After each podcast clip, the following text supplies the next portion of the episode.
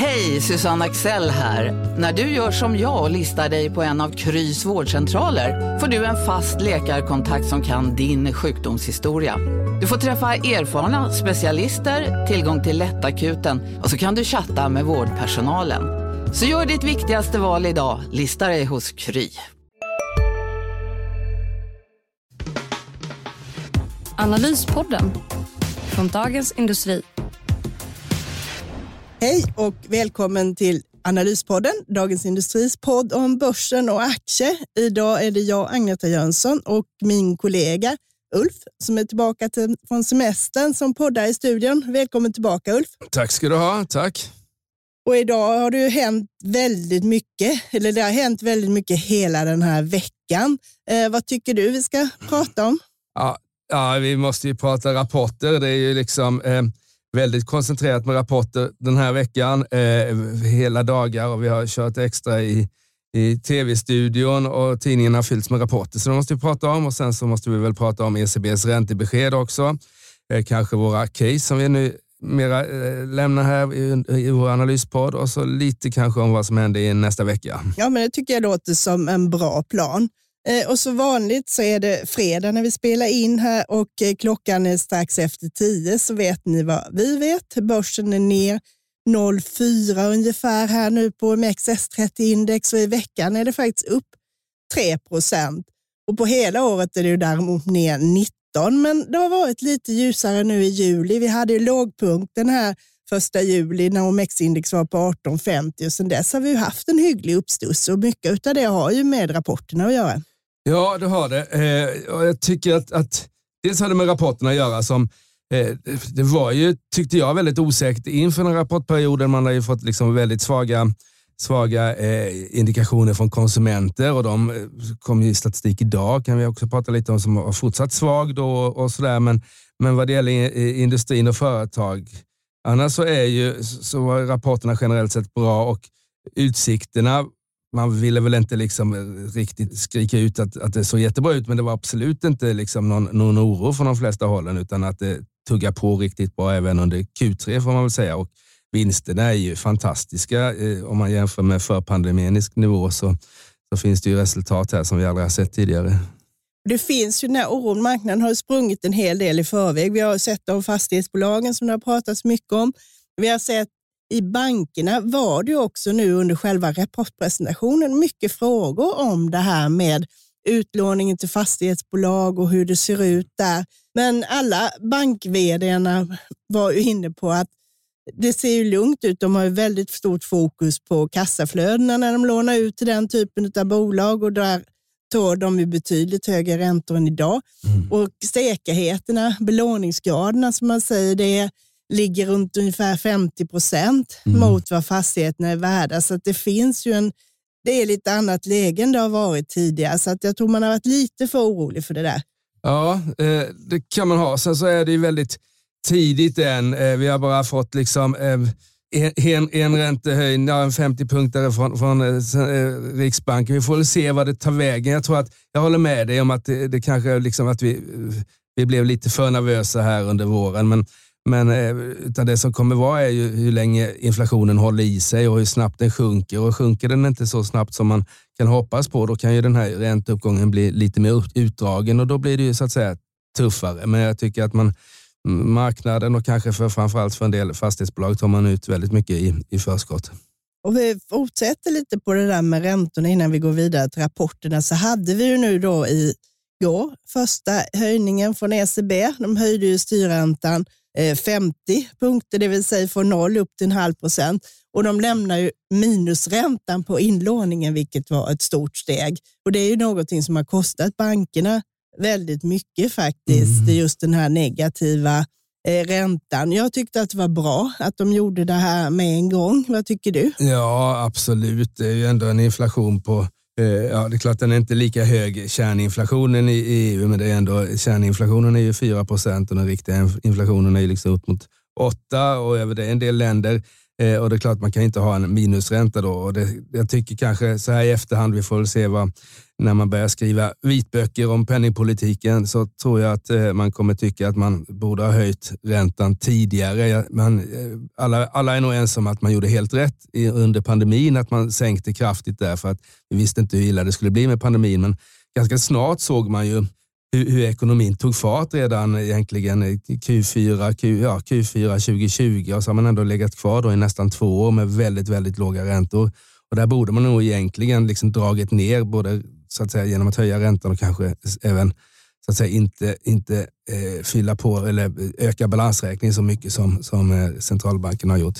Jag tror ju att vi får ju höjningar nu, eh, mm. fortsatt både från ECB och från Riksbanken och från Fed. Eh, och däremot så tror jag att vi kanske ser att det blir inte så mycket mer än höjningar under hösten. Ser vi sen att inflationen börjar komma ner eller åtminstone slutar växa så att säga och eh, att vi kanske inte blir så branta fall i ekonomin så tror jag att det eh, kan lugna ner sig betydligt. Så mitt scenario för bankerna är att vi får positiv utveckling på räntenettorna under hösten. Vi har haft draghjälp gjort av inlånings, bättre marginaler mm. på inlåningsräntorna. Det fortsätter. Du kommer kunna se successivt lite högre utlåningsmarginaler, även om då volymerna kanske blir lite lägre, men ändå ganska så eh, positivt ungefär. Och eh, vi kanske inte ska prata så mycket bank, vi har snackat så mycket om det eh, ja, förra gången, men, så men, vi kanske ska gå in på dina bolag lite ja, mer istället. Ja, vi kan hålla lite, jag, jag, jag tangerade faktiskt eh, lite banker, åtminstone räntor i veckans i, eh, i någon av dagarna här, om det var onsdagen eller torsdagen, där jag skrev om de här fast, fasträntekontona som faktiskt börjar ge lite pengar nu i lite, lite, lite ränta. Jag tittade på Swedbank och man låser pengarna då i två år så får man 2,4 procent hos dem. Och det, det är liksom bara 5 000 kronor som ska in där. Så det är faktiskt, och det är också bra tycker jag. Jag tycker det är bra att man får betalt eh, eh, om, om man är beredd att låna ut pengar till, till bankerna. Så det, det här med att, vi har, att, att, att det var minusränta överallt och nollränta på, på det är fortfarande nollränta på transaktionskonto, men om man är beredd att binda pengarna så får man faktiskt lite betalt nu och det fick man inte i början av året. Så det, det är bra. Och det börjar faktiskt också, får jag lägga till, att det börjar komma lite smått även på vanliga sparkonton kommer ja. det att komma nu. Däremot får man nog vänta mot att det ska upp mot att räntorna stiger mot en 3-4 procent innan man får ränta på vanliga transaktionskonton. Ja. Så att säga. Så att det har man ju nästan glömt bort. Det tror jag inte många räknar med att vi ska få igen. Men, men ändå, jag tycker att för det som har varit så jobbigt här under året. Vi ska prata mer vad som har hänt i veckan förstås. Det är därför vi poddar så varje vecka. Men, men eh, eh, börsen, Stockholmsbörsen är ner 19 procent. Hade man liksom förutsett den här nedgången och satsat på eh, korträntefond så hade man ändå tappat 1-2 procent och hade man liksom satsat på långräntefond hade det varit 3-4-5 procent de där ner. Så, och då hade ett sånt här fasträntekonto där man liksom, hade man köpt en sån så hade man ändå i alla fall inte tappat pengarna i början av året och nu får, vet man att man kommer få ett par, tre procent eller 2-2,5 procent i avkastning kommande två åren. Då. Och Det gör ju också att bankerna tittar ju på det här, för inlåningen är ju faktiskt, har vi också glömt, det är faktiskt en viktig bit av deras finansiering. Ja. Eh, så att säga. Så att det är sådant, vi får nog återkomma till det ja. här under året. här. Mm. Bra, veckan då. Eh, vad ska du, jag har ju läst många rapporter här och varit med i tv. Vad, är du, vad, vad, tycker du vi ska... Jag tycker det var lite intressant med Telia kommenterade du här. Den kom ju på onsdagen. Eh, den följer på en, liksom ändå en rapport som var ganska hygglig i linje med konsensus. Vad var det var problemet där? Problemet där var väl, eh, jag ska säga att det var två, eh, eh, kanske tre problem. Men jag tycker nog, eh, även om det är många problem, så tycker jag kanske att det var en överreaktion. 5% ner, eh, styvt det är nästan 6.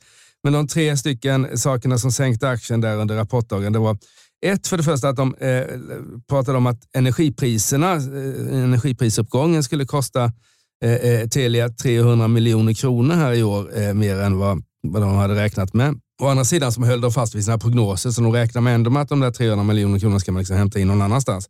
Och Sen så var det då en svag utveckling i tv-verksamheten och sen tror jag eh, själva börssentimentet under den här rapportperioden har, har varit till favör för eh, cykliskt och eh, eh då ocykliskt eh, och, och, har, har, har liksom gått, gått svagt. Då, och då blev det lite extra press på aktien där. Så jag tycker det var, en, det var faktiskt en, en, en överreaktion tycker jag nog att direktavkastningen är 6, 6 procent. Eh, på vårens utdelningsbesked om de nu eh, delar ut som de säger de ska göra och då, då är det ju ganska bra pengar tycker jag. Det kan ju också vara lite defensivt intressant bolag att köpa om det får bli lite mm. turbulens mm. under hösten, vilket det kan bli. Ja, ja, det kan absolut. Jag ska inte säga att man, jag, jag har inte, jag har inte ropat, Ja, vi får prata mer börsen här, men, men om jag bara får flika in redan nu så är det ju, det har ju varit ett väldigt starkt sentiment under veckan. Jag tyckte exempelvis gårdagens, torsdagens kursrörelse var var väldigt intressanta där vi hade en nedgång i några minuter när ECB oväntat höjde räntan, inte med 25 punkter utan med 50 punkter. Så fick vi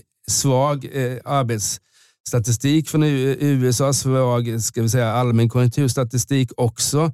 Och sen så vände ändå börserna upp och det är ju, liksom, det är ju lite sådär, så det är optimismen har haft ett stort tolkningsföreträde på de nyheter som har kommit den här veckan. Normalt sett hade det varit en, hade hade det varit en ska vi säga, en pessimistisk vecka som det kanske var i början av juli, då, då hade vi ju inte haft en bra börsdag igår då med en sån räntehöjning som, som ECB gjorde. Nej, och du såg ju på Alfa Laval som kom ju då på onsdag samma som Telia. Där, hade du en, där steg ju aktien nästan 8 procent. Bra rapport, men det var, lät ju lite som om utsikterna var lite svalare där.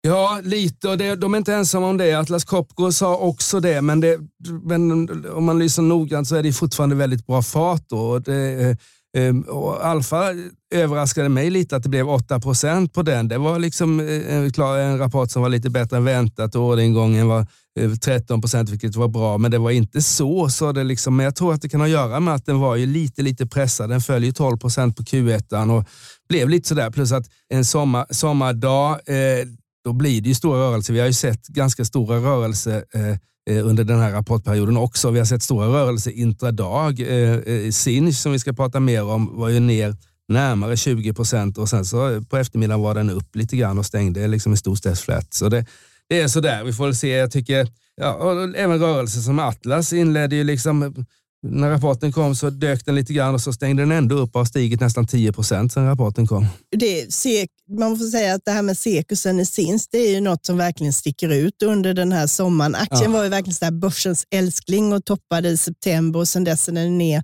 nästan 90 procent. Ja, och det är ju, ja det finns ju mycket man kan prata om där då, men eh, eh, och de bytte vd får vi inte glömma bort här dagen innan rapport. Eh, det är ju liksom inte något som man brukar se eh, varje rapportperiod.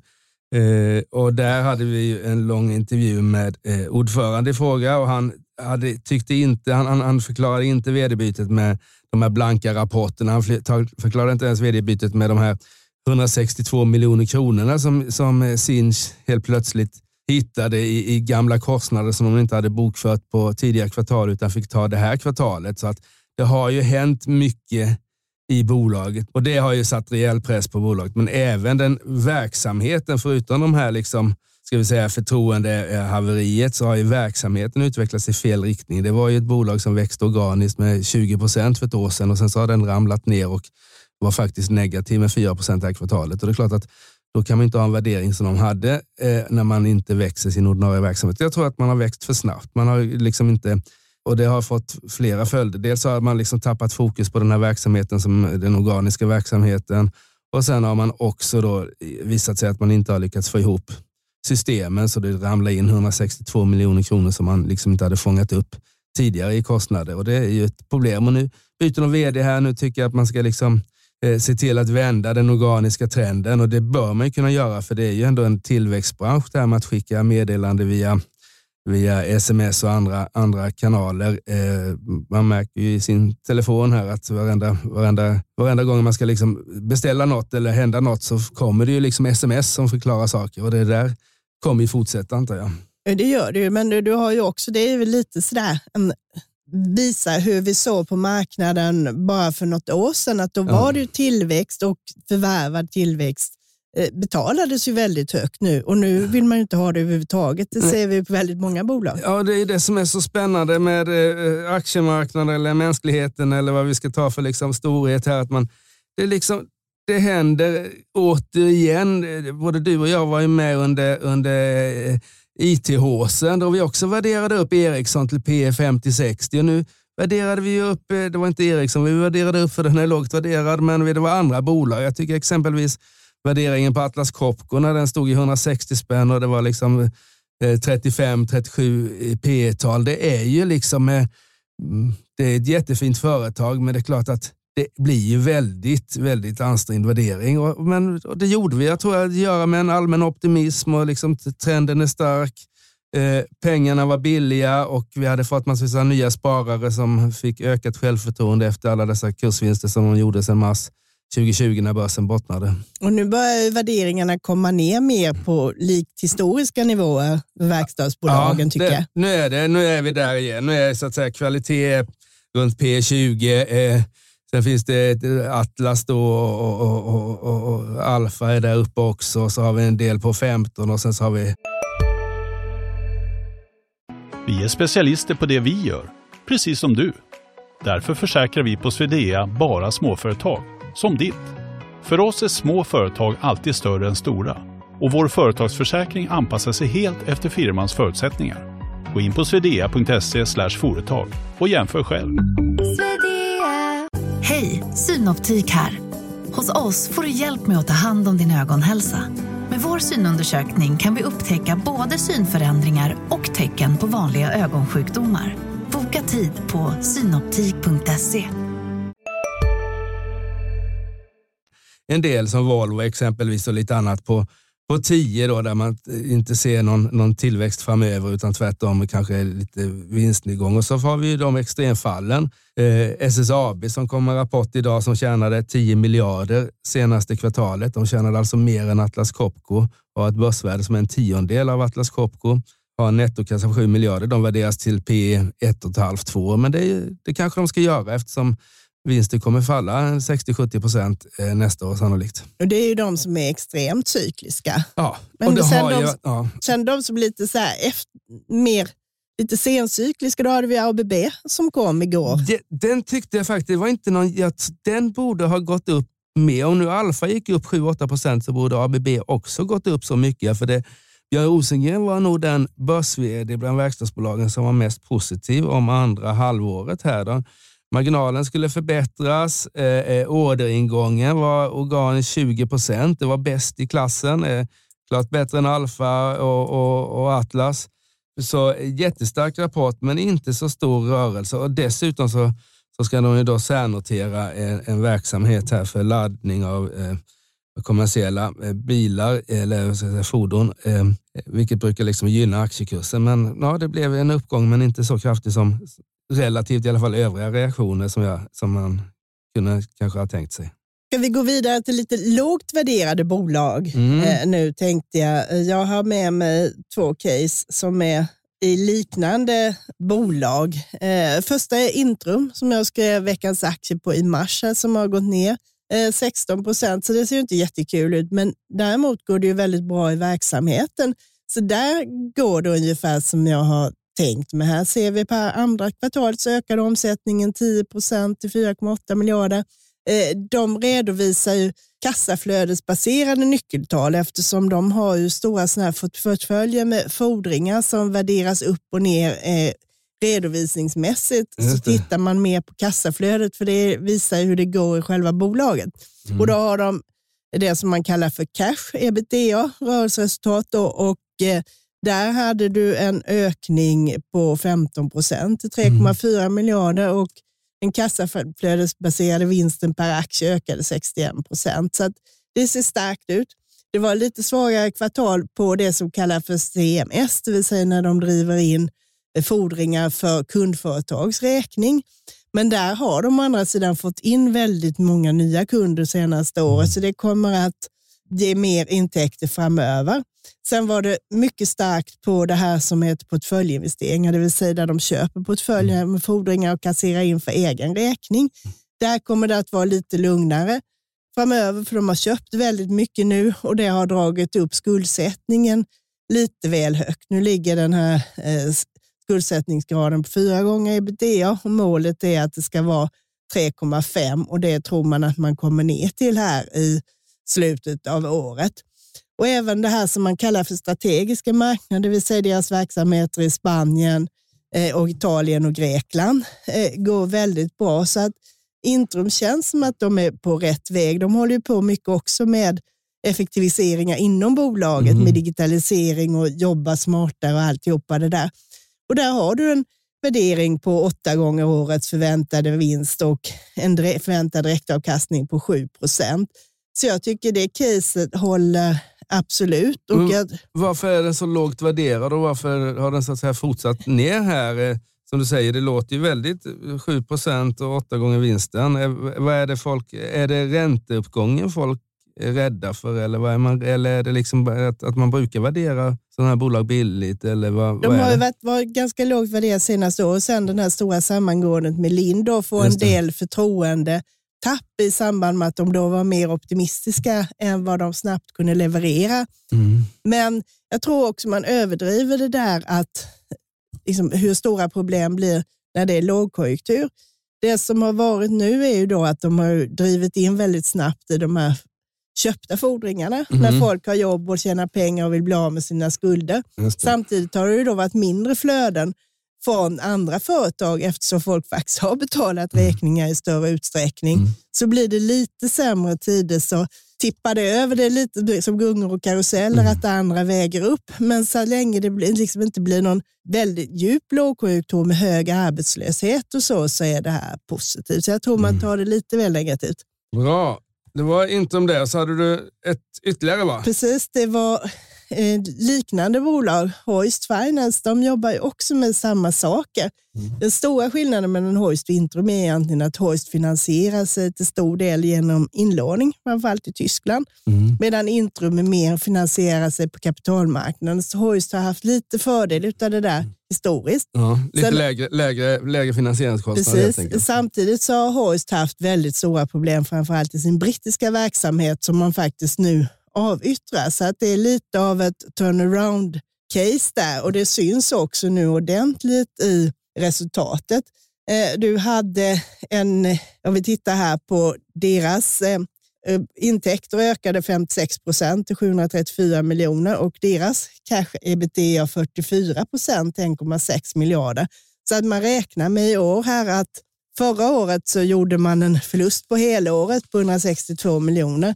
I år räknar man med att det ska bli en vinst på en halv miljard drygt. Och där har du också haft eh, cirkus med vd-byten eh, och sådant. Och nu är det då en styrelseledamot och eh, tidigare ordförande Lars Wollung som är tillförordnad vd. Han har lång erfarenhet från den här branschen och var tidigare vd för Intrum eh, bland annat. Mm. Och nu har han då rekryterat en ny vd som också då kommer från Vintrum som heter Harry Vranje som börjar i januari och han har ju då varit ska säga, COO, så att säga chef för operativa rörelsen på Intrum.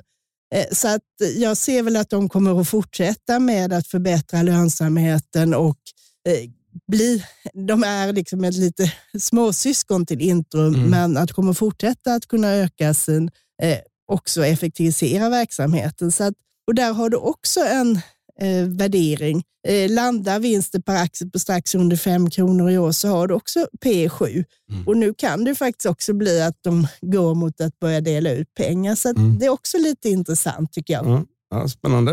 Har du med dig några som du tycker är intressanta? Jag får ta två case jag också då. Och då tar jag faktiskt eh, två stycken från eh, dagens, alltså fredagens rapportflod här som jag tycker är intressant. Eh, jag börjar då med Truecaller, eh, det här eh, teleteknikbolaget får man säga med stor verksamhet i Indien inte minst och andra, andra tillväxtländer.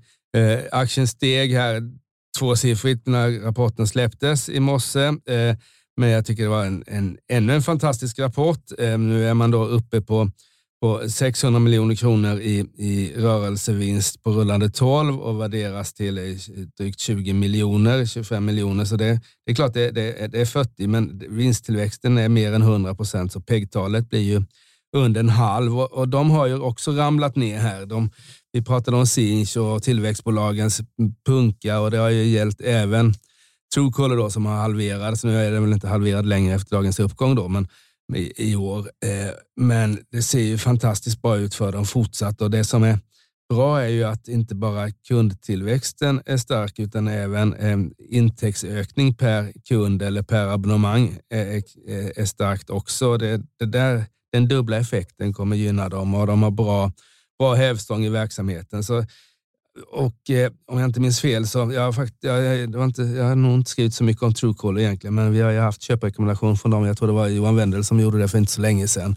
Och jag kan bara hålla med om att den här rapporten stärker den tesen. Eh, och så tar jag även Kindred, det är också sådana Johan Wendel-bolag. Eh, vår kollega Johan Wendel, han är i USA nu så får jag väl peta lite i hans bolag.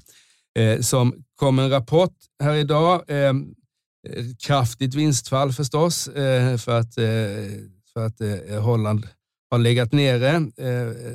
För det håller på att regleras och sen så hade vi liksom lite extra, extra tryck i marknaden under pandemin. Men resultatet var bättre än väntat och framför allt så tror jag att vinsttrenden kommer vända uppåt igen. För nu har man fått en licens som en av de första i Holland och då får man ett tidsmässigt lite försprång och börjar liksom hämta in kunder där igen. Plus att, eh, eh, ja det är den viktigaste saken, plus att det kom en uppgift igår kväll, här var det väl från eh, någon sån här spel spelinformationsnyhetssajt om att eh, Kindreds styrelse då är ute och kan tänka sig sälja bolaget. Och eh, Det där är en bransch där det pågår väldigt mycket förvärvsaktivitet, har gjort i alla fall. Och Det är något som skulle kunna trigga aktiekursen. Den steg inte så mycket idag på varken rapporten som var bättre än väntat eller på den nyheten. Men men om man är lite kortsiktig skulle man kanske kunna eh, plocka upp den där just av dessa två faktorer. men det känns ju, då har du ett stöd på nedsidan där och det ja, finns ändå vet, chans nu, nu sa Vi hade ju eh, vd Henrik Tjärnström i, i, i tv-studion här, han kommenterade inte det något särskilt och det är inte säkert att det det var ju liksom inte, hade det varit Bloomberg eller Reuters eller Wall Street Journal eller något sånt där, Financial Times, då kanske vi, då hade nog aktiekursen dragit mer på det. Nu var det en branschsajt, men men det var ganska, ganska specifikt sådär, så, så ja, det kan ligga någonting i det. Vi har ju då grundaren Ström här som, som har sålt aktier i Kindred eh, genom åren och det är möjligt att han vill sälja alla aktier. Vi får väl se lite, det beror nog på priset. Men eh, åtminstone, och även om det skulle bli något sånt, så tycker, tror jag att eh, jag brukar säga att man ska köpa bolag vars vinster växer och nu tror jag faktiskt efter de här några svaga kvartal och kursnedgång så börjar vinsttrenden vända för, för, eh, för Kindred. Intressant. Ska vi titta lite på vad som händer i nästa vecka också? Yes, tycker jag. På måndag händer ingenting, står det här i dina papper. Det är inget som jag tycker är viktigt i alla fall. Och med det menar jag sånt som påverkar börsen ja. eller något att ta bett i. På tisdag kommer en sån här uppdaterad global konjunkturprognos från IMF.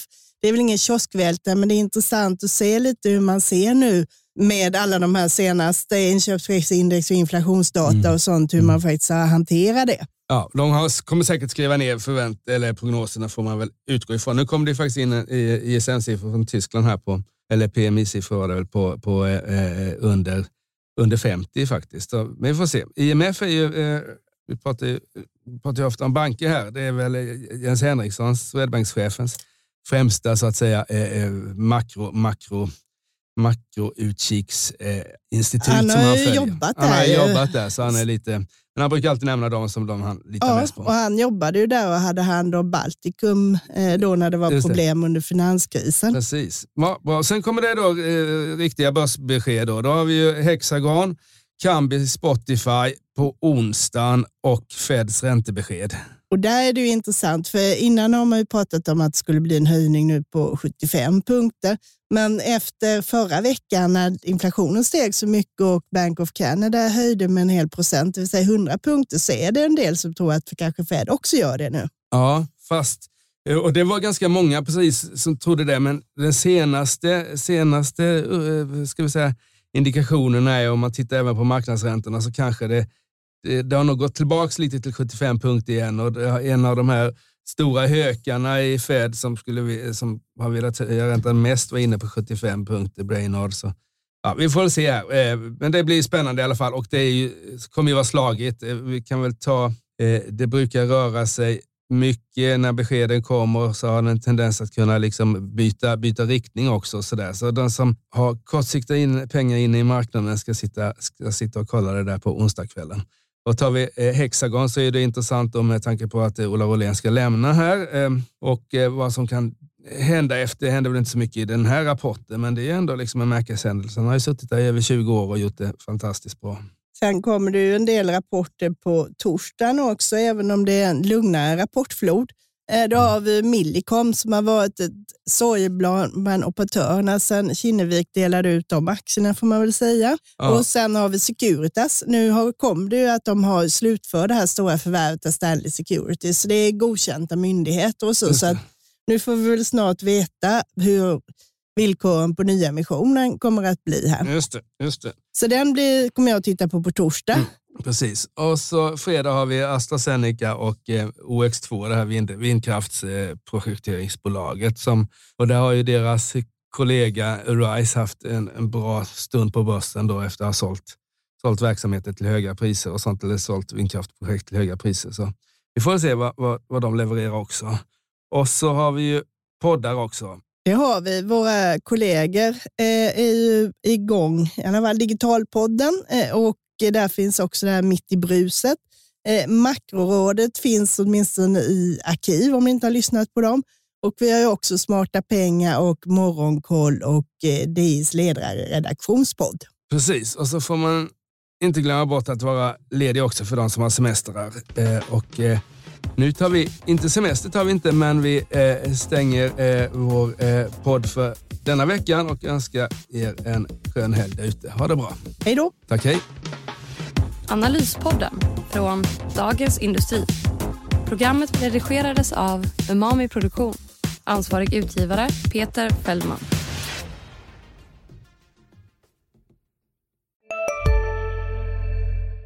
Redo för sportlovets bästa deal? Ta med familjen och njut av en Big Mac, McFeast eller Cooper Cheese Company plus en valfri Happy Meal för bara 100 kronor. Happy Sportlovs deal, bara på McDonalds. Ni är med om det största. Och det största är den minsta. Ni minns de första ögonblicken. Och den där blicken gör er starkare. Så starka att ni är ömtåliga. Men hittar trygghet i Sveriges populäraste barnförsäkring. Trygg Hansa. Trygghet för livet.